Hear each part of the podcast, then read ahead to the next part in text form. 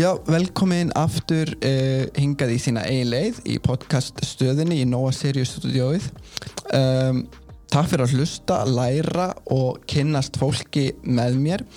Uh, ég heita sjálfsögur Freyri Gagni og í síðustu viku þá rættum við annað klassin um kulnun um, og hver enginni hennar eru og hvað við getum gert til að koma í veg fyrir að enda þar. En um, það er meðal annars með því að fylgja ástriðu okkar meira passa okkur á að gera meira af því sem veitur okkur orku versus það að gera hluti sem tekur hana frá okkur næra sálina. Um, og gesturinn minn í dag hefur svo sannlega það að lífsmarkmiði að fylgja ástriðu sinni og draumum. Um, og það vakti mína aðtegli að hennar motto er meira að segja ef þú þráir eitthvað nóg heitt að þá finnur þú leiðina annars finnur þau bara af sökununa uh, þannig að sko ef að þetta eitt og sér er ekki inspirandi þá veit ég ekki hvað. Uh, en endilega hugsa aðeins um þetta motto, þetta inspirandi motto og meðan rúlar örstuðt kynning frá samstagsæðilega mínum eitt af því sem ég leitast við þegar kemur á útléttu húðurinnar er að hún líti frisklega út. Mér finnst ekkert verða en þegar ég lít út eins og gegsa draugur af vettuna Glódrópanir frá Laugarspa Organic Skincare hafa einmitt hjálpað mér við þetta. Þetta eru svona drópar og þeir eru appisínuguli þegar þeir koma út og það er hægt að nota það undir krem eða einn og sér og þessi drópar eru stútfullir af ferskum vítaminum. A-vítaminum, C-vítaminum og E-vítaminum og það er einni gullróta kjarnaólja í þeim og lífræn avokátólja sem nærir og mýkir húðina. Ég nota ekki mikið þessum drópum og ég blanda þeim vel við húðina með góði nutti. Ef þið eru með mjög ljósa húð þá þarf alls ekki mikið þessum drópum því þau koma út svona appisnugulur og það verður að nutta þeim vel í húðina svo hún taki við þeim. En eftir meðferðina munum þið sjá að andleti ljómar og lítur hraustlega út. Þetta er frábær nývara hjá Laugaspa og ég nota hana mikið og mæli alverðinni mikið með henni. Skoðið hana nánar á organicskincare.is Og já, hver er það svo sem sem er með þetta glæsilega motto? Uh, það er engin önnur en uh, fjallagarpurinn og pólfarinn og ævintir á konan með meiru hún Vilborg Arna Gissurar dóttir. Og velkomin sæl. Ekki velkomin Hæ, kannski. Takk fyrir. ekki beint velkomin, þú ert ekki hjá mér. En hérna þú ert, þú ert á skjánum. Hérna, þú ert þetta í Slófiníu Já, þú ég hérna í, í Slóveníu með manninu mínum og tveimur fóstursónum. einmitt, ertu búin að vera hana lengi?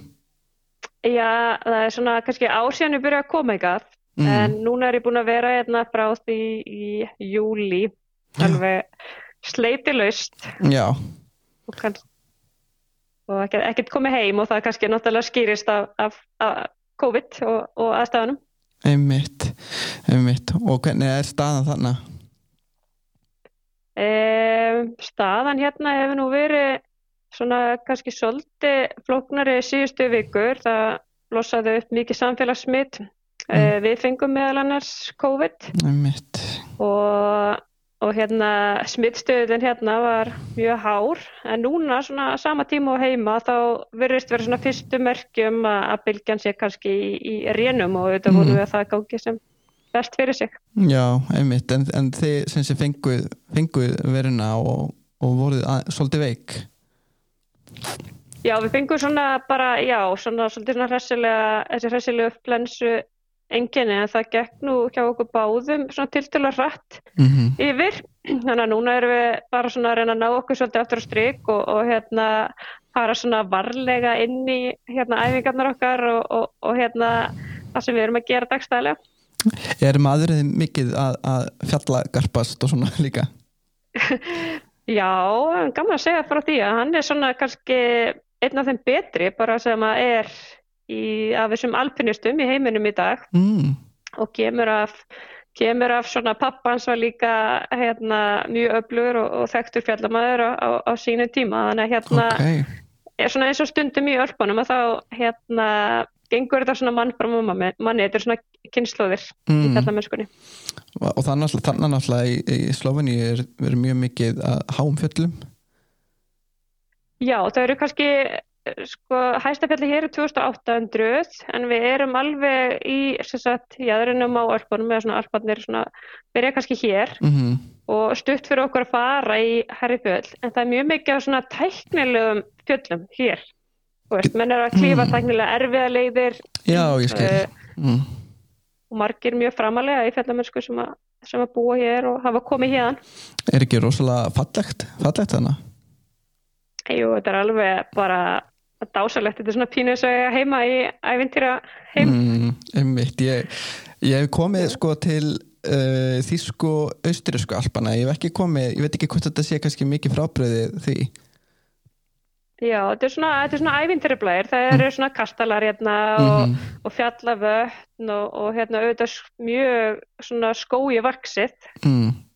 Og hérna alveg dásalega fallegt. Já, en spennandi en, en hérna, en kannski fyrir um, þá sem er að hlusta og kannski, og kannski þekki ekki beint, kannski mikið til þín en, en við náttúrulega byrjum hérna strax að tala mikið um fjöll og fjöll og fjöll og eitthvað svona hérna um, mér fannst það áhverð, ég, ég kíkti aðeins á heimasíðun eina um, og, og það er efst þegar þú ert að eh, sé, lýsa sjálfur þá, þá tekur þér fram alveg bara strax hver ástriða þín er. Um, og mér fannst það svolítið skemmtilegt og, og hérna út af því að í þessum þessu hlaðvarpi þá erum við mikið að fjalla um ástriður og, og drauma og markmið og, og svona að fylgja okkar einn stefnu og leið í lífinu. Um, mhm, og þannig að, þannig að mér fannst þú fangað það rosa fljótt bara strax, bara ástriða mín er þetta og, og gildi mín eru þessi og svona uh, hvernig uppgötar þessa ástriði uh, útivistina og, og þetta allt já, í raun og veru þá ger ég það ekkert alveg strax. mm. Eh, ég er sérst 22 ára þegar ég er raunverulega fyrir fyrst í fjallgöngum. já, ok En, en fram að því að þá er ég náttúrulega mikið því að ömmu minn og afa í, í sveit á, á Rauðarsandi já, og hérna og það er smá, er smá og- tengsla milli okkar. Þarna því að tengt, maðurinn minn er, er, er á líka tengslan á Rauðarsand og, já, já og, og hérna og þar fæ ég raun og veru svona þessa tengingu og Mm. var með þess að hjá afa hans stundum í, í sveit þegar ég var yngri. Já, einmitt, ok og þaðan kemur þessi náttúrutenging. Og það er raun og veru náttúrutengingin sem er kannski svona uh, það sem þetta allt byrjar og, og hún er rosalega sterk og, og fá að vera og ég er rosalega forvitin. Mm, og ég þarf alltaf að vera þú veist, þú veist ég er alltaf að lesa eitthvað, ég er alltaf að hérna, ég þarf alltaf að vita hvernig útsýni er upp á næsta hól mm, og hvað er handa við næsta horn og svo les mm, mm, og þannig byrjar þetta. Mm, og, og svo þegar ég fer í fyrstu fjallgöngunum mína þá sem var reyndar á Kvanadarsnúk, hæsta tind Íslands. Vá, svona eitthvað bara ég ætla bara að fara upp á fjall. Bara eitthvað. Það flesti svona fara kannski á, þú veist, þannig. æ, hvað heitir það á Hinland, þú veist, Úlfarsfell eða eitthvað. Já, já, það var svolítið þannig. Og þetta var svona mikil svaðil för, það var vond viður og, mm, og hérna, það voru 20 klukkutíma á leiðinni og, og hérna, og það virkaði svona öfugt á mig og þetta svona kannski vald eftir mig svolítið mikið vegna þess að, að fram að þessu að þá hafði ég svona farið, þú veist, þá búið að reyka mig fyrir svona mentaskóla, þú veist, ég hafði veginn ekki þú veist, á þessu tímpúti skildi ég ekki hvað markmið var og hvernig þau virkuðu og, mm, og þetta með, þú veist, ástriðin og eitthvað svo leiðis. En, en þarna breytist bara svolítið líf mitt á einum degi mm, og upp frá þessum degi að þá hafði ég bara einhvern veginn mjög skýra sín á það hvað ég vildi gera. Það bara small allt saman. Bara við, við Og- þessa upplifun bara. Já, mm, og, og þetta hefur svolítið svona viðtak áhrif á líf mitt því að þú veist, fram að þessu hafði þetta ekki sé fyrir mér að ég myndi ganga mentavegin eða eitthvað þannig. Mm, en ég fyrir björgunarsveit og, og hérna og í björgunarsveit þá læri ég svolítið að læra. Það getur sagt sem svo. Já, og, og þú veist, og mér gengur vel. Og það er svona fyrsta skipti kannski mjög langa tíma sem að þú veist, maður upplifir einhverja svona velgengni. Mm, og, og fram, í framhaldinu þá, þú veist, fyrir til þess að fá áhuga að læra og fyrir háskóla og svo fyrir mastersnám og, og svo Mhm, framvegis. Þannig að bara þetta uppgöta ástriðuna mína Já, hafði rosalega mikil áhrif á bara alla framvindu í lífið mínu mm. eftir það. Var það bara, þú veist, þú fer þannig að í hérna, björgunarsveitina og, og læri þar að læra. Það er kannski bara þannig að fannstu bara þína hilli og, og aðferðina, réttu aðferðina fyrir þig til þess að læra og, og, og rétta subjektið í rauninni, kannski?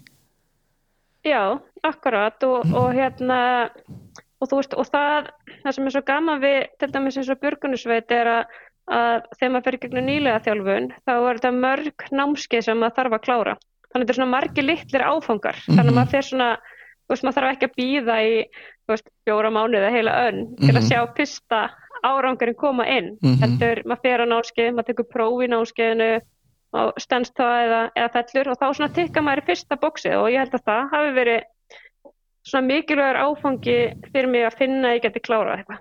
Akkurat þannig að, þannig að þú ferð, að- þú ferð að læra um, hvað ferð að læra í kjölfari? Já, uh, í grunninn tek ég ferðamálafræði Mm og útskrifast úr því 2008 og, og er mikið að vinna í svona byggðaþróunarverkefnum eftir á Mm. ég flytta Húsavík og er að vinna mikið þar í ferðarþjónustunum og fer svo í MBA-nám í Háskóla Íslands og útskrifast úr því 2011 mm. og, og það gefur mér svona kannski grunninn af því sem að uh, hvað var sé, vart svona starfið mitt að vera ævindirakona. Já, einmitt. Hvernig, hvernig, hvernig veist, þróaðist það? Þú veist, allt innu bara fer ástriðaðín og ævintýran að vera bara það sem að leiði þig áfram einhvern veginn. Já, ég náttúrulega sótti mér svona þegar ég var í, í hérna háskólanum og fyrir það þá sótti ég mér svona þekkingu í samband við leiðsögn.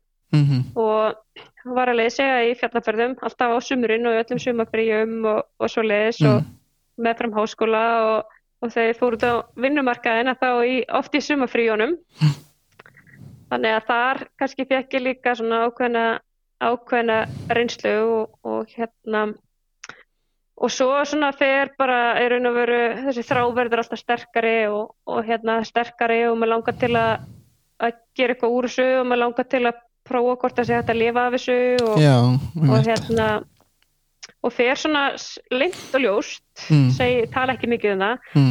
að undirbúa mig undir þessi þessa stóru leiðangra sem Já. að ég vel séðan að fara í Akkurat Hvað var það hérna þannig að sko þannig að þú ert svona í huganum farin að hugsa þú veist, ok, hérna er ástriða mín hérna er mín hilla og þú ert að fara að hugsa þú veist, get ég þú veist, lifað í þessari ástriðu og lifað af því? En þannig að það er ekki margir sem að sko fara strax þangað. Þú veist, fyrir lang að já, ég held lang flestum þá eru þetta bara svona og verða mjög lengi verða bara allt lífið áhuga mál en ekki eitthvað sem að þú sko leggur fyrir þig bara sem bara lífstíl og bara lífsviðuværi Já, en, en hvað var það svona þú veist, þú varstu bara svona já, ég ætla bara að aðtöga hvort ég geti bara við, dvalið í þessari ástriðu bara og lifað af því.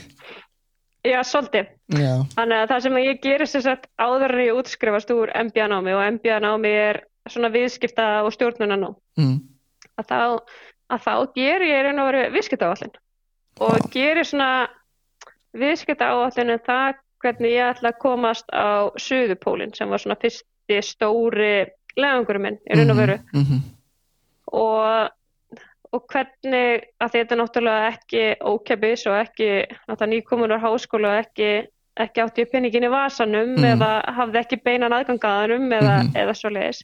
Þannig að ég ætti bara að gera áallin um það Mhm. hvernig ég ætlaði að komast okkar mm, og hvað ég þurfti að gera og, og þetta er náttúrulega fyrir tíma samfélagsmiðlana þannig að þannig að það var svona aðeins annað umhverfi en er í dag en, en svona maður þurfti að leggja svona svolítið að fara út fyrir þægindaringin og, mm, og selja fyrirtækjum hugmyndina því að vera með í þessu verkefni.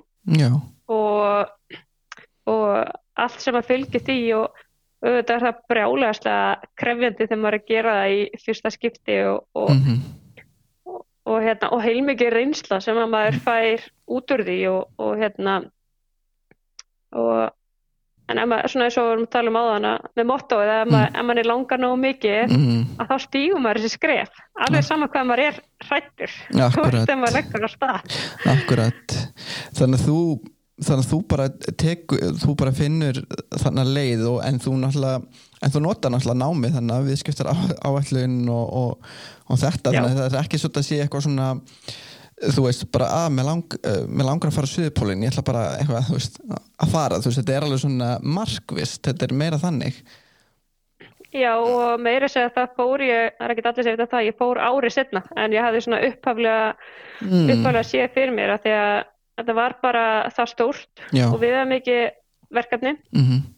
og það krafðist bara svo mikils undirbúnings og, og hérna og, og og í raun og veru hvernig maður ætlar að framkvæma svona stórt verkefni, þetta er ekki bara að fara einmitt á ísin og byrja að skýða, þetta mm -hmm. er alveg rosalega prósess á mhm. undan einmitt. Hva, hvað gerður þú varst að undirbúa þig sko, þá meina ég sko líkamlega Já um, náttúrulega ég bjóð vel að því að vera hafa verið aktíf í mjög langan tíma veist, mm. ég er með mjög aktífan lífstíl mm. þannig að ég var í svo sem ágættu formi mm. og ég er náttúrulega fyrir eitthvað sterk um, þannig ég var að æfa mig að, að geta er einhverjum verið 300 kíló á púlku. -hmm. já, þetta er svolítið þungt. Uh, svo þurfti ég að bæta svolítið á mig.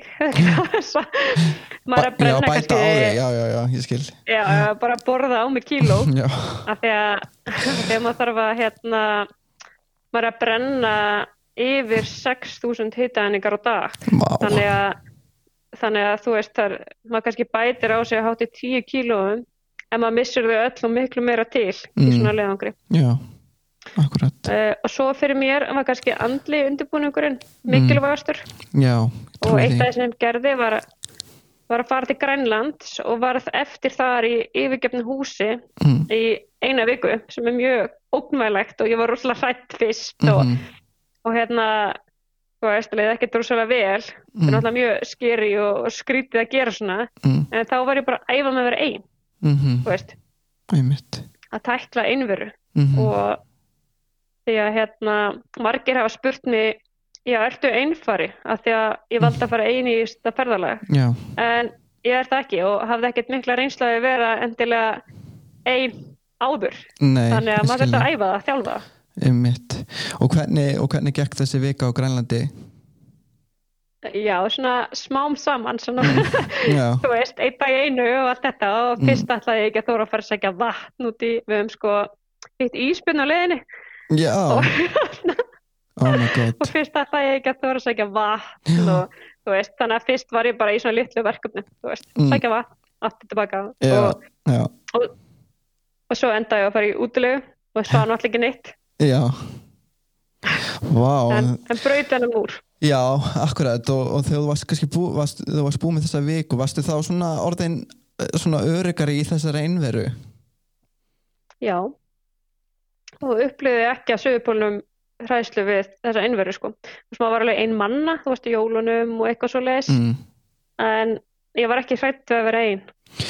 Ég sko um, en af hverju bara við spólum aðeins tilbaka hérna Suðupólinn, af, af hverju var það fyrir valinu í rauninni? Þú veist, af hverju Suðupólinn?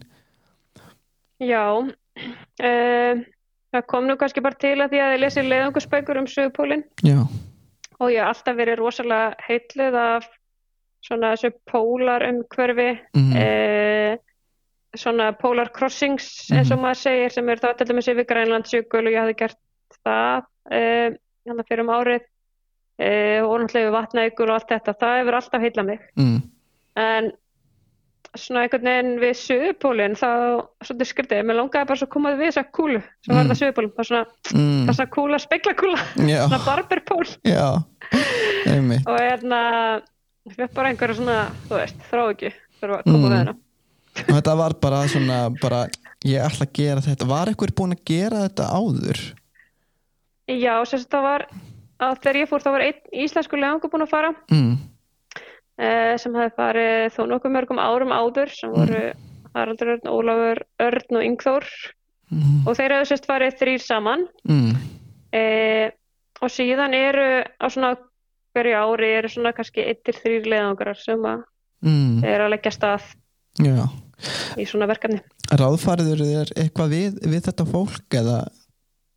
Já, já, og hérna og þekki þá vel og hef unni mikið með þeim mm, svona í gegnum tíðina í, í hérna ferðum á Kvanadarsnúk og svo leiðis, þannig að þannig að ég leitaði til þeirra og svo las ég rosa mikið af bókum, horfði á Mhm. myndbönd og YouTube já, og talaði við pólfarna sem hefur farið árinu áður, Já. það voru þá kannski með svona ferskustur einsluna. einmitt einmitt, hvað varstu lengi í þessu undirbúningsferdi þessi líkamlega og líka bara hérna og, og þessum þessari upplýsingasöfnun og hvað var þetta langu tími sem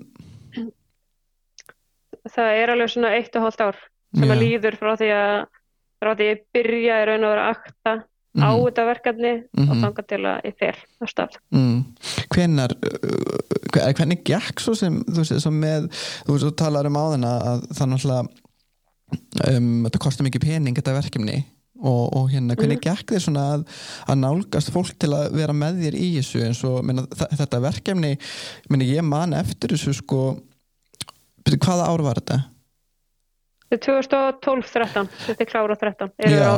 Já, þú veist, ég man eh, sko eftir þessu, ég fyrir þótt að ég hef ekki búið í Íslanda á þessum tíma en, ég, en þetta fekk alveg mjög svona mikla aðdegli og kannski ekki skrítið, þetta er náttúrulega kannski eh, þú veist, fólki finnst þetta áhugavert, þú veist um, en hvernig var svona viðmóti þú varst að nálgast fyrirtæki og svona var það almennt og svona alveg bara wow, ok, þú veist, eða Já, sko, það voru mörgur sem fannst þetta rosalega skrítið mm, og bara, þú veist, eina suðupúling hver gerir svoleiðis. já, Og það sem er svo fyndi við þetta, hérna þegar að Haraldur Örn var að fara á Norðupólinn sem er einhver tíman í kringu 2000, ég man ekki alveg nákvæmlega, þá var ég tvítug. mm, Og þessum tímapunktu þá var til dæmis að ég og, mm, og hérna, og var svona kannski með annan lífstíl enn í Mm. dag. mm, og ég man hvað mér fannst, fannst þetta skrýta. Og ég hugsaði bara hver fer einn í svona pólferðir? Já, og þú veist og svo nokkrum ára setna þá stöndi bara í sömu spórum já, og þannig að hérna, þannig ég var alltaf með þann vara á mér að, að fólki gæti kannski þótt þetta svolítið sérstakt. Mhm, og hérna, og það var alveg þannig en, en svo næ ég að safna svolítið fjármagni já, og búnaði og svona og tek lán fyrir restinni já, já. stopna fyrirtæki og tek lán fyrir restinni Mm, og fjárfesti bara eigin minni í framtíð. Mm, og nú er ég ekki að mæla með því að fólk gerir það endilega en, Mm. en svona þetta var mín ákverðin á þessum tíma. Mm, og hérna og ákveð að ég ætla að greiða þetta tilbaka með því að selja ferðir, gefa út bók og halda fyrirlestra. Mhm, og fólk eru átt spurt mig, já langaði ekki að gefast upp á leiðinni? Og ég sagði bara nei. Mm. Síðasta sem ég langaði að gera, gefa, gera var að gefast upp. Mm, af því að ég hef aldrei aldrei get, það er engin ráðið að uppgefa pólfara til að handa fyrir já. Og það fylgja tap. planinu. Já, þá er ég bara að tapa fjárfestingunum minni og bara, ekkert fyrir í góðum málum. það, þannig að þannig að setur í rauninni það er svolítið áhugavert og því að þannig í rauninni setur þú sjálf pínu pressu á sjálfa þig í rauninni með því að vera að setja fjármagn í þetta sjálf eða þetta lán skiluru Ertu að fjárfesta í þinni framtíð þá náttúrulega er pressan í rauninni bara að koma frá þér en ekki kannski frá okkur um öðrum sem er kannski eiginlega bara besta Og- pressan. Já, og svo, en svo er maður líka oft svona sinn harðasti dómari. Jú, jú, um mitt En svo var gaman að hérna, þegar ég, kláraði verkefnið, að þá komu fyrirtæki til mig sem að höfðu svona, fannst þetta skriti mm. og þau styrti mig eftir á. Já, svona, og bara, vá, hún gerði þetta. Og þá svona Já. tilbúin, að vinna með þér svona eftir að sjá þetta. Um, en ég man sko eins og segi hérna, ég bjó nú eh, nú við hvað bjó ég? 2003, Svíþjóð á þessum tíma og ég man alveg eftir við var þetta ekki, það var alveg fréttina voru mikið að hafa samband við því eða ekki á þessum tíma og, og hérna þetta svona þetta blossaði svolítið svona upp alveg hérna í allavega hérna í, í íslensku samfélagi allavega í íslensku samfélagi, ég veit ekki hvort það hafi verið mikið umfjöldun annars staðar ég fæl Jú, þetta var svona, þetta var rosa mikið umfjöllin heima og það var svona kannski hluta til líka því að við vorum að sapna fjármagni fyrir styrtafélagi líf. Mm, mm og um, en þetta fekk alveg brjálæðislega mikla umfjöllun. Og það var þetta með eitthvað sem ég hefði aldrei átt von á fyrirfram. Veist, þetta er náttúrulega bara, veist, ég fer á staði einhvern, einhvern púliðangur og, og hérna, svo átti ég bara nýtt líf. Veist, ég kom heim. Það var svolítið þannig. já, bara þetta, þetta var bara svolítið vendipunktur Já, alveg, hérna, tímurlust.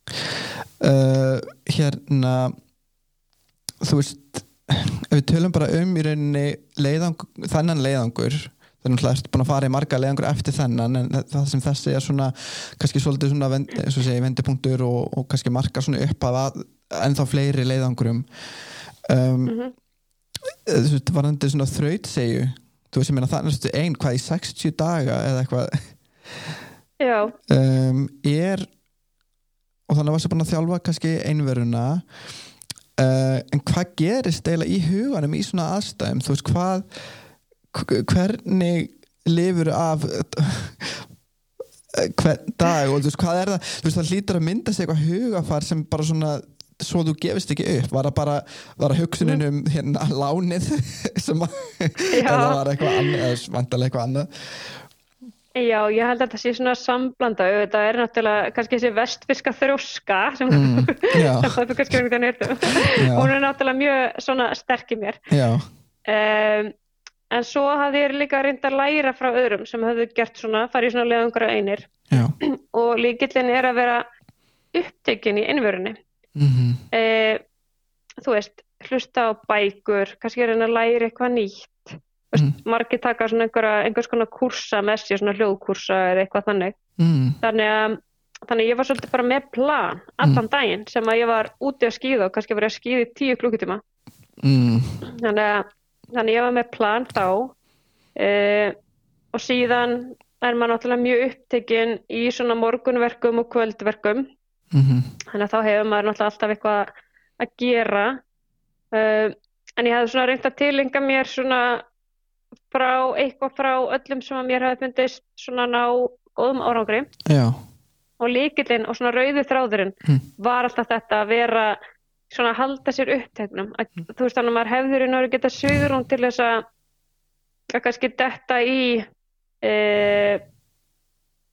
þú veist auðvitað segi ég svona auðvitað vorkendi ég með stundum skilur Mhm, mhm. en ekki alla, ekki alla dag. Þú veist allan dagi já, en stundum var maður kannski Mm. mm. kallt eða eitthvað þá var maður bara, ó, þú Já. veist. já, og ég, ég var oft upplifað það að bara, ó, hvernig komið mér í þessar aðstæður, hvernig datt mér þetta í hug? Já, einmitt. En, en, það, en það verður aldrei það slæmt að þú ert alveg bara komin í volaði Nei, sem betur fyrir ekki. Og ég átti líka og, og hef átt svona góða vini sem hafa fyllt mér gegnum þetta allt saman. Mm og einn besta vingur mín og hún hafði til dæmis skrifað skilaboð á alla matarpakkana mína, já, þú veist, já. Sem ég las á mótnana, þannig Já. ég fekk eitthvað svona gott með mér út í daginn. Mm og svo það sem að var alveg frábært, það var að hérna, ég var með gerfinata síma. Mm, og það var hægt að senda mér skilabóð gegnum heimasíðuna og magnið af skilabóðinu sem ég fekk frá Íslendingum, það var bara það var svo mikið kvartning og maður, þannig að maður upplýði sig einhvern veginn kannski ekki ekki svo einan í þessu verkefni. Ég skilji einmitt. Þannig að hérna þannig að það hefur verið þessi, þessi stuðningur og svo segir að, að líka finn að bara hafa uh, halda huganum uppteknum sem hefur svona verið svona leikillin leikillin að þessu. Um, en ég sé svona fyrir mér það ekki ég sé fyrir mér Suðupólinn þá er ég hugsa bara um umhverfið. Þú veist, ég finn alveg fyrir svona tómarúmi í maganum bara svona hræðslu út af bara ví, víðáttunni. Já. Og það er ekki, það er ekki marg breytilegt þú veist, Mhm. staðarnir eru svolítið eins. Já, og hérna, þú veist, ég grínast stundum með þess að 30 dagar fresti að sjá fjöll. Annars var maður bara að skýða í, í svona jafnsléttu hvít- svona, já, svona það er reyndar alveg landslag, koma brekkur og svona, já, en, en hérna en það sem er kannski líka svo mikilvægt var að markmiðið var svo kýrskýrt. Já. Þú veist, ég var bara með veist, mm, markmiðið var bara að skýða inn á Suðupólinn ég braut markmiði niður í hérna á, á landakorti. Mhm, eftir, eftir gra, hverju gráðu sem ég skíðaði yfir þá, þú veist, fagnaði ég. Já, já, já, og, og var búin að sjá fyrir mér, það voru með minni 11, 10-11 gráður sem ég þurfti að skíða. Mm, að hérna, þú veist, það þú veist, þegar maður fagnar sem smáu sigurum, Mm. þú veist, svona oft þá fagnar maður á endanum mm, stóra sigurunum mm, að einmitt. Þannig að hérna en það var líka þó að hérna það var mikil einverra og þó að veist, umhverju hafi kannski verið ekki marg breytilegt en þá var svona annað í þessu sem að sem að ég hef svolítið búið að síðan. Mm, og það er að maður fer í eitthvað umhverfi mm, og maður er svona tiltölulega frýr við áriti. Mm, þú veist, þetta áriti sem að dynur á manni þú veist, allan daginn. E, bæði, þú veist hvað sem eru þú veist, auðlýsingar eða tölubústur Mm. eða þú veist, allt þetta. Mm, og síðan þá hef ég svona reglulega reynd að setja mig inn í e, áreitislaust umhverfi mhm, í smá stund þú veist, til að fá frá smá frí. Og maður Mm. tengist sjálfum sér svo vel að það er engin annar að segja manni mm, þú veist, hvað maður þarf að eiga eða hvernig maður á að vera eða þú Mhm. veist. Akkurat, einmitt. Þetta er mjög þetta er mjög áhugaverið punktur. Ég ætlaði mitt að, hérna uh, ætlaði mitt að spyrja það sko hvaða hvað, hvaða hugsunarhátt eða, eða hvaða lífsleksju tekur frá þessu ferðalagi. Um, en, en, en þetta er klárlega uh, eitt, eitt af því sem þú hefur tekið vandalega og, og hérna og á mjög vel við og sérstaklega í rauninni bara á betur og betur við út af því að það er alltaf hérna, það er alltaf meir og meiri upplýsinga hérna, tækni sem er að herja á okkur endalust Mhm. um, samfélagsmiðlanir alltaf sko fleiri og öflugri og, og, og hérna allt þetta sko Já, og við notum þetta öll og, og hérna, þú veist, ég til dæmis nota samfélagsmiðla mjög mikið. mm, Ég náttúrulega er, í rekstri og mm, er svona að gera æmislegt. En Einmitt. ég samt reynir líka að vera meðvituð um hérna, bæði hvað skilabóð þú veist maður kannski að koma áleiðis mm, og líka, þú veist, að, einmitt að gefa sjálfur sér stundum, þú veist, þetta, þetta frí, einmitt þú veist, svona tengjast sjálfur sér, akkurat fyrir utan. Akkurat. Um, En hérna þú talar um sko og minna síðan uh, uh, uh, þessi ferð kláraðist, þá ertu búin að fara í náttúrulega marga, marga stóra le leiðangreið. Ég veit að þú tókst hérna setti er annað markmið svo sem var að fara á hvað sjö hæstu, nei, hæstu tinda í, í allra heimsálum Já, í öllum heimsálum, það ekki rétt hérna- sem er, já jú, Tindana sjö heitir það, já. já, tindana sjö var, var það í beinu framhald af þessu eða kom það aðeins einna? Já, það er svolítið kannski skemmtilegt að segja fyrir því að því að sagt, síðustu dagana sem ég var skýða inn á Suðupólinn, þá var ég orðin mjög þreytt. Mm, búin að vera lengi ein og, og hérna, þetta er engin luxusferð, þú veist, þetta er hörkupúl og þú veist, var búin að missa freka mörg kíló og Mm. orðin rosa svöng og mm, þú veist, ég langaði að komast í bara reynböt og bað og allt þetta. mhm, mhm, og hérna og ég er svona mikið að velta þessu fyrir mig bara svona síðustu dagana bara vá, þú veist nenni ég þessu einhvern tímann aftur ætla ég einhvern tímann aftur að leggja eitthvað svona á mig Mhm. og þú veist, er ekki nóg að gera þetta bara einu sinni og, og eitthvað svona og svo skýða ég inn á pólinn já, og á svona þessa stund og, og svona upplifa þetta þakklæti og svona þessa tilfinningu og, mm, og, og samglæðist með fjölskyldinu minni gegn gerfin þetta síman og allt þetta. Mhm. og svo leggst ég bara kottan hann um kvöldið mm, og ég var bara strax tilbúin. Ég var bara búin að gleyma þetta þetta merfilíkanum og, og bara eitthvað já ég veit hvað ég ger næst. Já, vá. En, en alltaf hafi verið bara þú lístur þessu mjög fallega sko, hvernig tilfinning það er að ná markmiðinu. Um, þetta þakklæti og, og, og kannski líka ekki síður mikið vegt að samglæðjast þegar aðrir lí- líka rauninni samglæðjast manni fyrir það að, að ná markmiði. Um, hérna uh, þannig að það er kannski það er kannski um, þessi vellaun þetta sem gerist í líkamannum og í sálunni þegar maður nær markmiðum og þegar draum, draumar manns rætast sem að kannski verður kvartning fyrir þig til að halda og búa til ný Já og þetta er svona þetta er svona að maður þarf að kunna að njóta þú veist þess að maður kannski gerði síðast eða mm. svo leiðis mm -hmm. og hérna og, og svona lefa sér að lifa því uh, til dæmis 2017 þá fer ég á Everest á topa Everest Einmitt. og þá ákvað ég bara að hérna bara í heilt ár, svona cirka var ekkert með svona tímaplána því að þá mm. ætla ég bara, þú veist, njóta mm. þessa og ekki vera að hugsa um neitt svona næsta eða neitt svo leiðis, þannig að maður þarf líka þú veist, að gefa sér tíman í að njóta og, og svona fara í gegnum upplifuna því þetta oft er þetta mjög stórar upplifanir og hérna og svona eftir sögupólina þá kem ég heim og það var rosa mikið að gera hjá mér ég er alltaf mm. fyrirlestra bara kannski, þrá fyrirlestra á dag og það var rosa mm. þétt bókuð og, mm.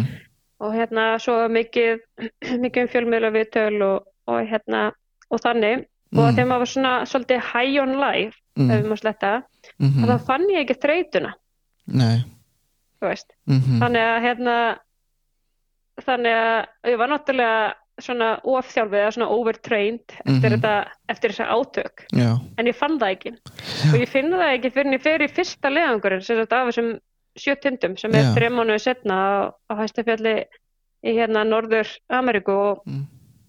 og hérna og átti mjög erfitt uppdráttar fyrstu tværi vikunar ég, bara, ég held ég myndi aldrei hafa þetta af Já það, þá varstu bara að finna bara líka með var bara, herru, ég er ennþá að melda hitt hérna. Já. Já, ok. En, en, en þú bara, en þú helst áfram og bara var langt að milli tinda þessara sjö tinda? Nei, svo tók ég, svo markmiðið mitt að taka þá einu ári. Og já, hérna okay. sem er svona alveg nokkuð knaft mm. en hérna en það var rosalega skemmtilegu tími. Mm. og og mikil svona lífsreynsta sem fælst í því að ferðast svona í hérna um heiminn mm. fara inn á mismunandi menningarsvæði Já. kynnast eh, fólki frá öllum heimsórnum mm. og hérna og ég hef ekki viljað missa af því fyrir sko neitt, það mm. var alveg það var rosalegur lærdómar um mitt hvernig uh, hvernig, hvernig framkvæmdur þennan þennan leiðangur að þetta verkefni, þetta er náttúrulega að kannski er þetta bara rauninni sjö verkefni að lista á þetta meira sem eitt stórt verkefni Já, raun og verið að horfa á þetta sem eitt stórt verkefni mm. og hérna um, ég var náttúrulega mikið að halda fyrirlestra á þessum tíma og, og hérna og fjármægna að hluta til verkefnin uh, með fyrirlestra haldi mm. svo var ég líka leiðsvæðið nokkra af þessum mm. túrum sjálf Já og var þá að vinna með íslensku fjallarleysömanum mm -hmm. og svo var ég í samstarfi við eins og 66 og Íslandsbanka og Vís og svona. Þannig að mm. svona með mörgum pústispilum að þá gekk þetta einmitt, þannig að þú fengið líka bara, já, fengið fólk að borðinu og, og svona, og kannski hjálpaði náttúrulega, þú varst já. búin að vera þannig svolítið mikið í umfjöldunum og, og búin að klára þetta, þetta stóra verkefni áður Einmitt. Já, já, það er auðveldar að heldur hann að fjármaka Já, heldur hann hitt Já, svo saði ráðan um mitt uh, En, já, en já. þú ferð upp á Everest þannig að 2017 sagður Já hvernig, hvernig var tilfinningin eftir það? Já, sko Everest hafi verið svona svolítið stórt og erfitt verkefni fyrir mig að því að ég hafi farið tvísvar áður já. og lendi hremmingum á leðinni mm. þess að upplifaðnar í þessu stóran jarðskjálta 2015-2014 er snjóflóð í báðum þessu slísum verður mikið mannfall og, og hérna þannig að þá sérst, eftir sérst, 2015 eftir hennar stóra jarðskjálta sem að skikkur Nepal þá kem ég heim og þá hætti ég bara klifra þá mm. bara, þú veist, ég ætlaði bara aldrei að fara aftur og það bara snúið mér að allt öru hlutum og, mm. og svo leiðis mm en ég hef alltaf verið líka ofinn fyrir því að leita mig hjálpar. Mm -hmm. og hérna og var hjá sálfræðing mm -hmm. í tímum í svona bara eins og áfalla hjálp og, og svo leiðis og stundu líst í að veist, það er þetta ástriðu bál og þegar báli lúgar þá einhvern veginn eru litlar hömlur og maður bara svona keiri verkefnin áfram og, og veist maður til í þetta og, og þarna var bara eins og einhver hafi komið slögt báli, mm. það var bara ekkert bál. Akkurat. Og hérna mm. og leifa svona svo kemur neistinn tilbaka eftir einhvern ákveðin tíma og, og þá fyrir ég aftur á, á fullt mm. Varstu lengi, hérna, varstu lengi í viðtölum hjá Sálfrængi til þess að, að svona vinna úr þessu? Uh, já, sko ég hef alltaf farið öðru kvoru í gegnum mm. allt þetta leðangursferði mm. og bæði til að undirbúa mig, bæði mm. svona til að fá hérna aðstóð við undirbúningin já. og ég maður svo sem ekki alveg, en það var alveg svolítið tími og, og -hmm. maður er svolítið tíma að vinna úr, úr svona hérna hlutum og, og hérna og svo fór ég aftur mm. í tíma áður en ég fór 2017 á Everest. E, með það markmið að undirbúa mig fyrir e, að fara aftur inn í þessu aðstöður ég var svolítið hrætt við það. Já, einmitt en hvernig, og hvernig var síðan þessi loka reynsla og, og þessi að ná þessum loka punkti loksins og, og ekki bara það að fara upp á Everestu líka bara að rauninni glíma við þessi fyrri áföll skilur og koma sér gegnum þau Já, þetta var alveg stórkoslu reynsla að mm. hérna þegar að dæmi hérna gekk upp á lókum mm. um, ég hætti þess að valið að, að þetta var leinilegangur ég sagði ekki frá þessu, ég gerði þetta ekki fyrir framann fjölumila eða svo leiðis mm -hmm. um, við sögðum frá þessu sérst rétt áðurni fyrir toppatilurina mm. ég hef sérst samið það. Þá er ég búin að vera þarna í tvo mánu að undirbúa mig og í leðangurinnum þú veist. Mm og hérna svo segjum við frá þessu svona rétt, rétt áður en ég reyni við toppin mm -hmm. og hérna og þá líka sagt, fannst mér ég ekki hafa, hafa neina pressu mm. á mér og fekk svona svigrum bara til að díla við sjálfa mig og mhm. tilfinningarnar -hmm. og að koma aftur ángað og og hérna og allt það og svo sagt, á ég hennan toppa dag mm. og þetta er bara einn magnaðasti dagur sem ég hefur nokkuð tíman upplefað mm. og, og hérna ég er svo þakklátt fyrir að hvað ég var vel stemd þú veist ég bara svona tók þetta allt inn og Já. að því að svona kannski eins og þú komst inn á þann að þá snerist þetta ekkert endilega bara um það að toppa Everest. Þetta snerist um að loka einhverju svona einhver hjá manni sjálf líka. Akkurat, einmitt. Og ég menna er ekki, ef maður tala bara um það almennt í í, um, í þessu í þessu áhagamáli þegar maður er í þessu, þessu útivist og fjallgöngu þetta er, þetta er náttúrulega þetta er líkamlegt að sjálfsög en þetta er náttúrulega rosalega um, sálræn upplifin líka þú veist bara það að vera í náttúrunni og, og þetta líkamlega erfiði og þetta, er, er þetta ekki í hvert einasta skipti alltaf eitthvað svona sálræn upplifin? Jó og svo náttúrulega eftir því sem að reynslan tekkar inn að, að hérna, þá læri maður kannski meira inn á alla tilmyngan þar sem fylgja þessu mm. og, og hérna og hvað maður þarf að gera þegar maður kemur heim og hvað maður gera á maður leggur á stað og allt svo leiðis og, mm. og það skiptir líka miklu máli að tala við annar fólk hvernig það upplifir hlutina og mm og hérna og svo leiðis en, en oftast er þetta náttúrulega bara maður fer inn í aðstæður sem eru svona kannski það eru svo erfiðar, svona fysiskt erfiðar. Mm -hmm. og hérna þannig að maður verður stundið svolítið þreyttur þegar maður kemur heim. Já, einmitt. En hvað, hérna, þú, þú talar um á, á síðuninni á samt því að talar hann um það sem ég kom inn alveg í byrjun það sem þú segir bara fyrst og talar líka um að áskoranir þegar finnst mikið vegt að, að, að lifa fyrir áskoranir og hafa áskoranir.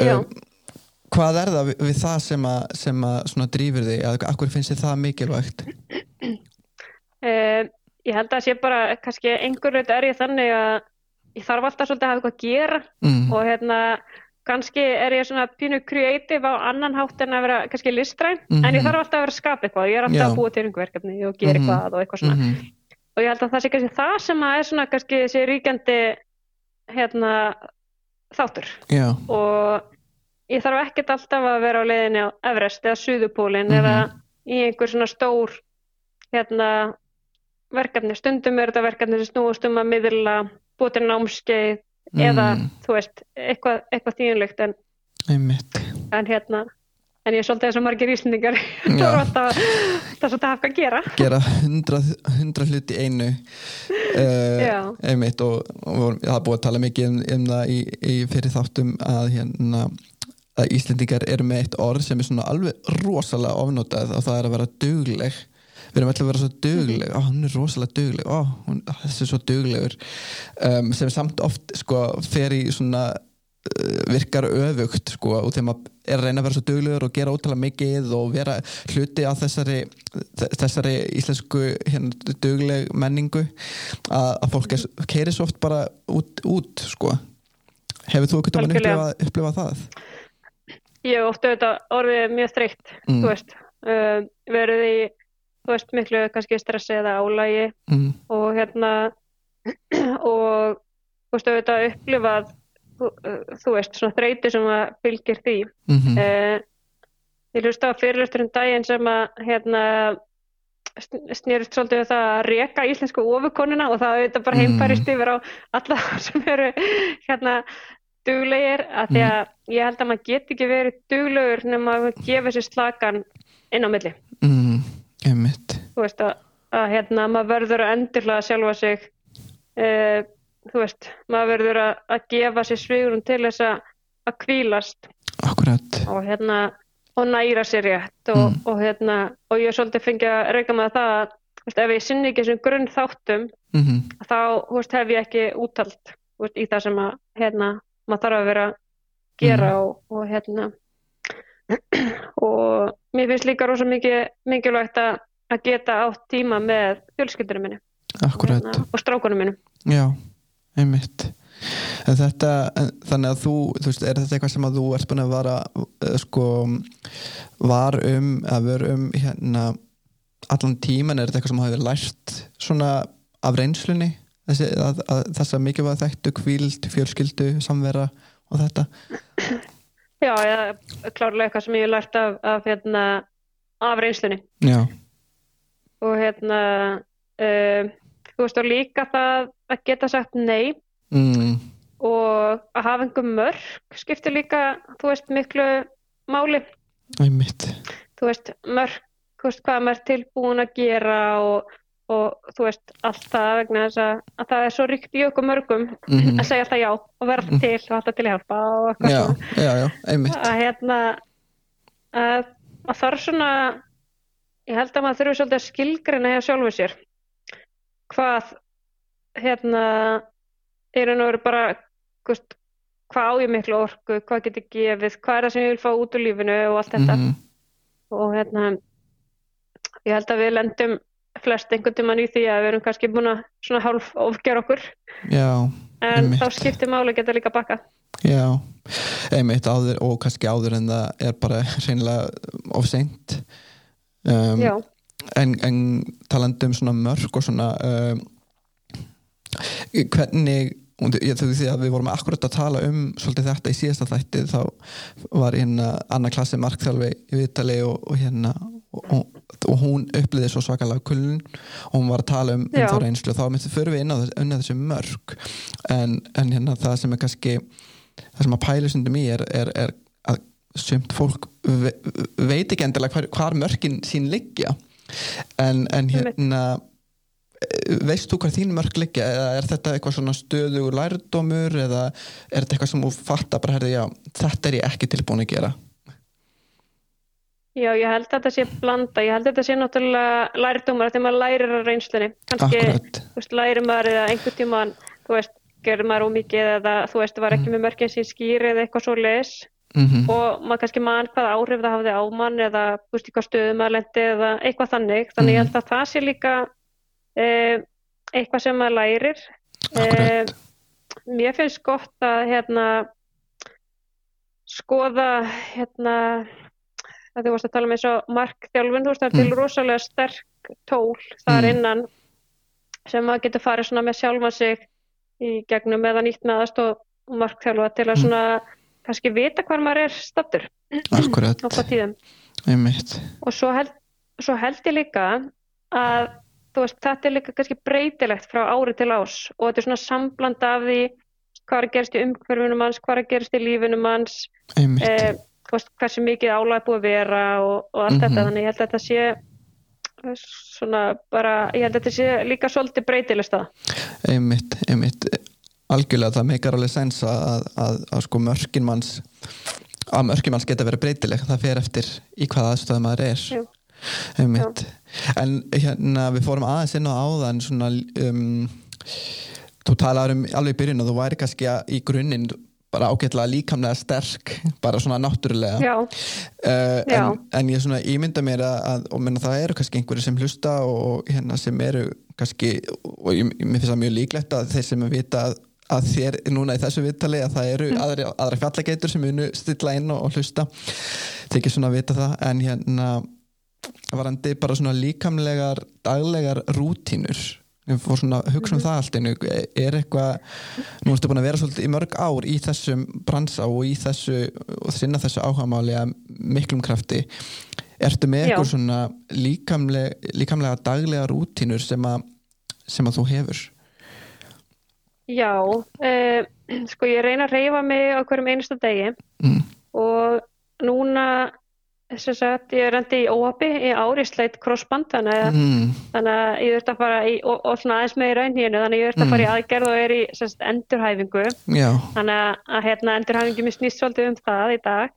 Eh, ég tók líka upp á því að hérna, að ég reyði mér þjálfara fyrir bandaríkunum sem að já, sérhæfi sig í fjallamennsku ok. Af því að mér langaði til að læra nýja hluti mm og mér langaði að fá aðstof þú veist, hvernig ég geti svolítið svona, þú veist bestað það sem að ég er að er að gera. -hmm. uh, og það hefur eins mér hérna rosalega vel og ég svona áhugavert og, og að því að maður þarf alltaf, eða ekki alltaf en kannski oft einhvern svona, þú betur sér augu en auga og, og hvað liggja styrkleikarnir og hvað þarf þetta að laga. Þú veist, af því að mann er vel gaman að vinna á styrkleikarnu sínum mann er vel ekki gaman að vinna á veikleikarnum nei, akkurat þannig að núna fæ ég leiðsögn með það. En svona en það sem ég hef svona einbytt mér að á þessu ári mm. er mataræði. Ok. Þú veist, að næringarefni mm og hérna mataræði. Og hér búum við rosalega vel, við höfum gott aðgengi að hérna í Slófinu að því hér eru allir að rækta veist, alls konar græmiti og, og hérna þannig að hér höfum við rosalega hérna gott aðgengi að fersk græmiti og, og hérna svona organísku bara úr hérna fjölskyldugarðinum og, Mm. og, og svo leiðis þannig ég hef svona verið að einbytta mér að svona í raun og verið eins og sagt, næringar upptöku og, og svefni. Og það svefni. er svona sem að hefur verið í ár. Já, svona áherslan. Ja, akkurat. Um, hérna varandi mataræðið uh, þú segir að byrja svona að pæli því núna hefur það þú veist, varstu ekkert mikið að spá því áður að he- hefur alltaf borðað hotlan mat eða þú veist? Já, um, jú, jú, ég hef alltaf verið svona meðvituð og alltaf verið að, að pæla og ég hef líka mikið prófað mig áfram og hérna Lukka í happ hefur oft verið mér svona einan handar og hún hefur oft aðstofað mig þegar það er ekki að gera mm, hjá mér þá ég fengið hérna mat frá happ. Mm eh, þegar álægi hefur mikið. Eh, þess að ég hef lært það að þegar að hérna þegar að sólarhingurinn hefur verið þétt settin að þá hefur mataræðið fengið að sitta á hakanum. Akkurat. Og kannski verið frekar hérna óholt heldur en einmitt, og mér líður ekki vel með það, þú veist að Mhm. mér líður aldrei vel í þannig aðstæðum. Nei. E, þannig ég er svo sem alltaf hérna alltaf verið með þá baku eirað en það er alltaf heimin og hafa að við vorum að tala um sögupólinn, ég Mhm. fór sögupólinn að borða ég, þú veist, örgulega fjögur súklaði stíka dag. Já, þú veist, upp á orkuna. næringu um, í dag myndi ég örgulega ekki gera það. Mm, og þegar ég fór á Everest 2017 þá borðaði ég ekki einn nammibita allan tíman að, að þannig að þetta hefur líka þróast hérna. Mm, svona með manni, þú veist, bæði þú veist, aðgengja upplýsingum þú veist, einmitt eh, og hérna, og sérfræðingum náttúrulega með internetinu og samfélagsmiðlun og podcasti og allt þetta, Mhm. þá, þá svona hefur maður fengið aðgang á því að hlusta á þú veist, vitur við sérfræðingana og, og allt þetta. En hvað er það sem kemur þá í staðin fyrir ef maður alltaf sig gó- svona snögg orku á svona erfiðum túrum hérna í staðin fyrir súkulæðabitan Já, það er raun og veru að byggja líka mann upp til lengri tíma þannig að hann sem sagt, geti keirt á um, orkuburðunum Já, og verður þá frekar að nýta sér inn, veist, nýta sér veist, eins og hérna bara netur og, og svona orkuríka fæðu sem Mhm. er samt þurr og létt. Mhm, og hérna og raun og veru samsetningin líka svolítið sem sagt, tíma, tímabil og undan skila sér. Akkurat. Hérna inn í þetta og það er náttúrulega heiminn og haf hvernig manni líður í bara endurheimt og Já, á æfingum ef, ef maður hugar vel að þessu. Einmitt, já. skila sér svolítið þannig. En hvað hérna, þú talar um söfnin áðan er það, hefur það verið vandamál hjá þér eða, eða er þetta bara eitthvað sem vorst svona að reyna að taka þessum tökum bara meira?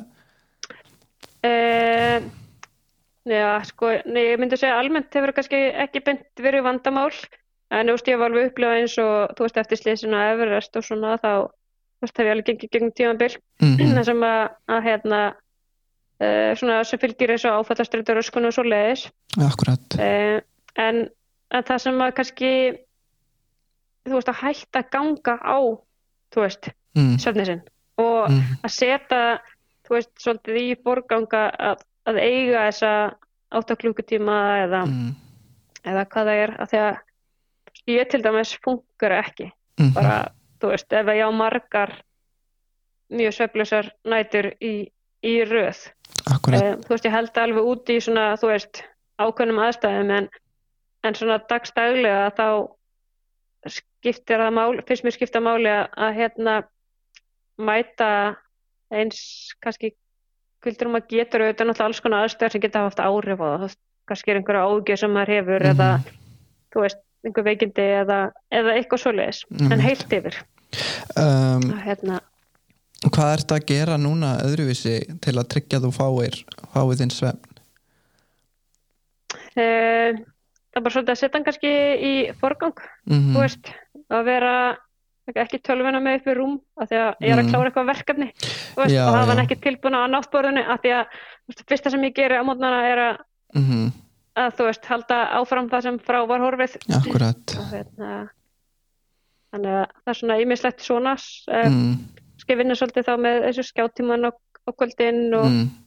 og hérna og allt þetta Þannig að þetta er kannski svolítið uh, breyttar kvöldrútínur og breyttar morgunrútínur svona til að stöðla að já, einmitt það, það er svona mitt sjálfur er verið að svona að gera akkurat þetta stöðla að betri, betri svefn.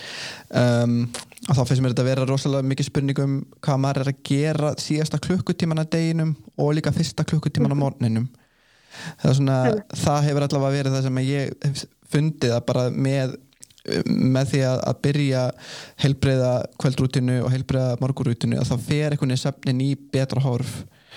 Um, og ég finn bara því líkan mun á mér sko og framtagsseminni líka bara. Já og við eigum það skilið held ég að gefa sjálfum okkur já, í nokkra klukkutíma við megum alveg bara sofa og kvílast í alvörunni. Mhm. það er þú veist, einhvern veginn svona munur munur á sko að, sko, sofa og kvíla sig. Og kvílast það er það sem að hérna það sem, að, það sem við vorum að tala um í síðast þetta er bara, þú getur alveg sofið kannski 8 klukkutíma en ef þú ert bara með síman upp í rúmi liggur við og síðast sem gerði var að senda þú veist, messenger skilabóð bara og svo sopnari og svo vatnari og aðtók að mannskan hafi svarað þér eða eitthvað þú veist. Það er svo hann á milli minna, þú veist, það er svona, þú hafir ekkert alveg farið í kvíld Nei, maður slekkur ekki alveg á. Einmitt á, á heilanum og svo, þú veist, eins og hver kannast ekki við það hérna, að dreyma hans í vinnunni. Akkurat, er akkurat og einmitt, alltaf bara því maður fer að sofa með þetta í kollinum og, og hérna, er akkurat, alltaf vakinn að sofa því, yfir því sem maður er að gera. einmitt En það er, það er kannski eitt sem að, hérna, ég hef stundin nýtt með með góðum árangri að það Mm. er að hlusta á svona, svona mindfulness meditation ef að Mhm. mér hefur fundist erfitt að ná róinu. Já, ertu þá að nota ertu að nota þá bara á, á Spotify eða eða á YouTube Em, eða Já, já, þess að ég fór bara eitthvað tíma frá því ég fór að námskeið mindfulness fyrir Mhm. sko, ég veit ekki, 5-6 árum eða eitthvað, þá, þá á ég alltaf nokkra svona æfingar sem Já. hérna, ég get kveikt á. einmitt um, hérna, það verðist vera að þú, þú ert óhrætt við að sækja í þessa andlegu þessa andlegu aðstóð bæði, þú veist, óhrætt við að leita er, ráða frá sálfræðingi leita, greinlega farið á uh, núvitundar námskeið og þetta. Hefur Mhm. er þessi áhugi svona samhliða bara þessari ástriðu á, á útivistinni? Þú veist, er þetta bara svona finnst þetta bara fylgja svona náttúrulega að?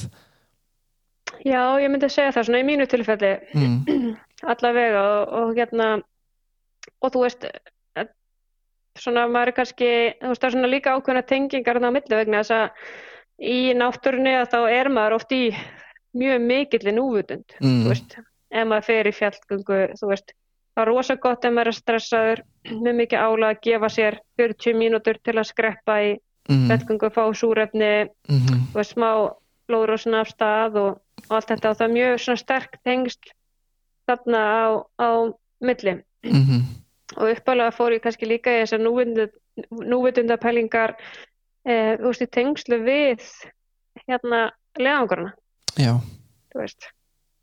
Og hef notið góðs af því og mér finnst gott að geta þú veist, mynd með á þetta reglulega. Mm, af því auðvitað er það þannig að veist, undir álægi og stress og svona þú veist, þá, þá gleymir maður stundu sko. Mm, þá er svo gott að eiga einhver svona verkfæri sem maður getur gripið í einmitt. Þannig að, þannig að þú hefur farið þetta námskeið og þetta hefur, hefur nýst þér þessi verkfæri sem þú lærðir þar. Já, alveg tvímælust var, var það hérna á Íslandi eða? Já, minnur hann heiti hérna Pálína sem að það var að halda þessi náskeið á sínum tíma og kannski ennþá. Já, einmitt. Ég, einmitt ég fór á svona sjálfur fyrir einhverjum fjó, uh, fimm árum einmitt.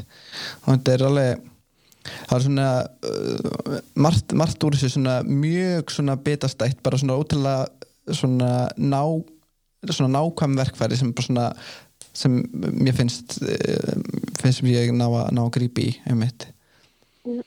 Um, já, Svo hérna er kannski misjætt hvar fólk nær núvitundinni, kannski, ég veit ekki, ég veit ekki fyrir þig, kannski dansi eða, mm, mm. Alg, eða algjörlega. eitthvað, svo er algjörlega svo einhver annar á fjöllum og einhver að mála og þú Mm, veist, ég held það er svolítið einmitt að maður læra að þekka sinn. Í- algjörlega, ég held einmitt að eh, sko núvindundin tengist rosa mikið held ég að, að dvelja í því að, að sko sálræna ástandi sem maður er í þegar maður er að sinna ástriðusinni Já, það er ekki. Að hérna, svo segir skilur að, að fyrir þér að, að vera út í náttúrinu og upp á fjalli og í þessu, þessu góða súrefni og, og, og þessu en ég held reyndar að mjög margir geti tengt við núvitund með þeim hætti, ég fyrir þótt að, að ganga full sé ekki aðal ástriðan þín sko. Um, þannig að hérna uh, en ég hérna út af því ég ætla að mér langar svo að það er alltaf í lokin og öllu svona viðtölum þá, þá er ég með svona loka, þrjár loka spurningar þar sem að þú mátt svara uh, með uh, einu hérna einu orði eða einu setningu. Þú ræður hvort það er. Ef þú, ef þú ert með eitthvað svona eitt orð þá bara getur svarað þannig en ef þú vilt segja heila setningu þá er það líka leið. Þú mátt líka segja kannski meira ef að mér finnst þú verið að segja eitthvað áhugaverð þá bara kannski spyr ég út í það Betur, en, en þetta er svona þetta er svona pínu pressa en, en hérna, nei, nei, engin pressa. Uh, hérna, hvers konar hugarfar hefur þú lært í gegnum þessar áskoranir sem uh, hugsaður og geta nei, leið mér að endur endur orða hvers konar hugafar hefur þið lært í gegnum þessar áskoranir sem að geti nýst öðrum? Já, til dæmis þrautsegja núna í þessum tímum sem við erum að hérna gangi gegnum. Mhm. bara all, allur heimurinn. akkurat, þraut segja. Og í hverju, í hverju fælst þraut segja? Þraut segla. Já, það er svolítið að, að, sagt, að halda út einhverjar erfiðar aðstæður eða krefjandi aðstæður. Og kannski finna sér einhverju leið til að reyna að brjóta þær niður af því að núna erum við náttúrulega bara öll í hérna sömu baráttunni. Akkurat. Og, og hérna margir hafa reynda búið sér til verkefni eh, sem eru að hvetja hver aðra áfram og, og, og allt þetta. En, en svona á endanum munum við komast í gegnum þetta. Mm og það er svo gott að muna það mm, það munum vonandi ekki vara af eilífu. Já, einmitt að að hérna að, að halda í vonina líka og sjá, sjá ljósið í við endanum á þessum göngum einmitt, Já. einmitt. Það er einmitt það sem ég hugsa að þraut segja sér það svona þú veist, halda þetta út og sjá vonina.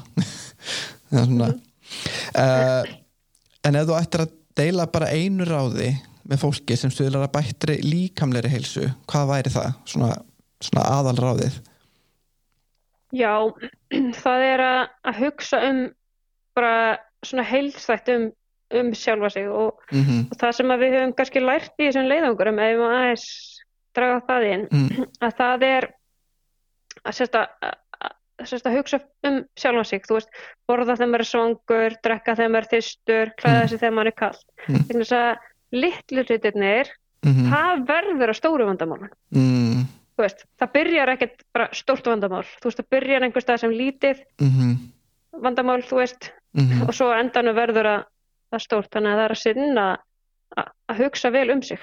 Einmitt, og hlust, hlusta á sem merki frá líkamannum og, og svara þeim. Já. mjög gott. Uh, og svo bara svona hvað er, hvað er næsta markmiðið þitt? Ef þú vilt deila því. Já, já, sko ég er svona núna þá er þetta svolítið svona endurhæfingarheim, þetta er svona tengt, sko, því að núna er ég að koma mér aftur á, aftur á hérna fætur, en, mm, en svona ég stefni á að, að fara einhverja skemmtilega svona svolítið einhverja klífuleið Mm. næsta sömar í Ölpunum og er svona kannski að æfa mig hérna fyrir það og svo Mhm. náttúrulega sjáum við bara til hvernig gengum með bara allar aðstæður utan að koma til hérna aðstæður akkurat. Alveg þá sem að reyna að passa okkur að segja aldrei nafnið á svona helvitis hérna veiru. Er svona Já, bara hérna, samfélagslegar aðstæður og heims, heimssamfélagið í heild. Já, já, og bara hvað verður opið og, og hérna og svona en maður á nú eða svona vona það að næsta næsta vor að þá verður þetta nú orðið svona aðgengilegt og, og opið og, og hérna og ég er náttúrulega að vinna í ferðarþjónustunni þannig, að- já, þannig að ég vona svo sannlega að hérna að það vera hægt að, að bjóða upp á ferðir og vera með ferðir og slis. akkurat þannig að þú ert að taka móti fólki í Slovinni og, og svona Já, og Íslandi og, og bjóða Íslandingum í hérna æfintýri og ferðir og, og svona, sem sagt. Já, það er aldrei að vita maðurinn minn er svo mikið að ganga núna þannig Já. að við kannski skellum okkur til Sloveníu næsta, næsta sumar, hver veit Já, það verður ekki ekki. ég, hérna, ég er samt í yngri æfingu ég ég dansa bara upp á topp Já, það hérna, er nú heldur betur góðu grunnur. Já, það er alltaf að maður er með þól og, og svona sko það, það er alveg ágætt en það er samt mismunandi hvernig þólinn Og- virka Og yfirburða samhæfni. Þannig að, Já, einmitt, að ég heirt að sé mikið, mikið væri í fæklingu já, þannig að að þú verður bara í toppmálum. Já, hérna ég, uh, eitt svona kannski bara alveg rétt á lokum, bara, og þau verðum bara að tala mikið um drauma og markmið. Um, af hverju finnst þér mikilvægt að eiga drauma og markmið? Af hverju finnst þér það mikilvægt, ekki bara fyrir þig heldur bara almennt, af hverju, af hverju erum við með drauma og markmið? Um, ég held að sé, það er, hérna, amma mér segist að það er gott að hafa spýri fyrir bátið sinn. mm Það er svona oft setur maður svona á einhverju ákveðna leið, ákveðna stefnu og það er gaman að vinna að markmiðanum sínum og vinna í draumunum sínum, veist, hvort sem maður er í hlaupahóp eða danshóp Mm. eða, þú veist, bjallingum, þú veist, Mm. klifri, -hmm. hverju sem er. En það er svona að viða þessari þekkingu að sér, þú veist, finna hvernig maður stækkar alltaf svona pínulítið, pínulítið þegar maður næri einhverju svona markmið og hérna, þú veist, þetta, þetta er félagslega skemmtilegt mm. uh, og svo er bara svo gaman að læra nýja hluti. Og þú veist og hafa einhverja sín á það sem mann er langar að gera. Mm. Akkurat, einmitt. Það er bara, ég held að við sem mannfólk þurfum bara við hefum, hefum svona náttúrulega þörfheldi fyrir bara, hvað heitir þetta, svona reglu? Eða þú veist að sjá hlutina og, já, rútinu og að sjá að hlutinni gangi upp og, og fá, fáum þannig einhverja svona einhver, einhverju svona einhverju fullnægt í sálinni. Þannig Já, að- einmitt. Uh, ég ætla ekki að, að hafa þetta mikið lengra eða ekki mikið lengra, ég höfum þetta bara ekki lengra við erum búin að fara inn á, inn á rosa mikið og, og ég held ég hafi náða að, að mér finnst mjög gaman að, heyra heyra svona bakvi tjöldin á þessu sem þú ert að fást við og hérna og ég vona bara að þið hafið það gott uh, í Sloveníu og, og og kissið þessa hérna, þessa veiru uh, langt Já. út í böskan já, takk fyrir það. og bara vonandi sjá þessu bara á, á fjöllum vonandi bráðar Já, já, gerum það og, takk fyrir spjalli. Gaman að vera með. hvað hérna ef að fólk vil eh, leita að þér og því sem varst að gera hvað er best að fylgjast með verkefniðinum og ná sambandi við þig Já, uh, ég með heimasíðuna vilborg hérna, .is. Mhm, og á Instagram og, og Facebook er ég með Vilborg Arna mhm. sem hérna, síður sem, að, hérna, er að setja skilabúð og, og svo les. Já, frábært, þá bara mæli með því að, að ef fólk vil spyrja, spyrja Vilburgu að einhverju nánar út í þessum hún talaði um í þættunum endilega að finna hana á Instagram og Facebook og, og skoða svo síðan hana, hún er mjög, mjög flott. Vilborg.is og mig finnið þið þetta bara á Facebook og Instagram Friðrik Agni og hérna og dansakultur.is líka. Þannig að þið finnið mig þar. Og við heyrumst í næstu viku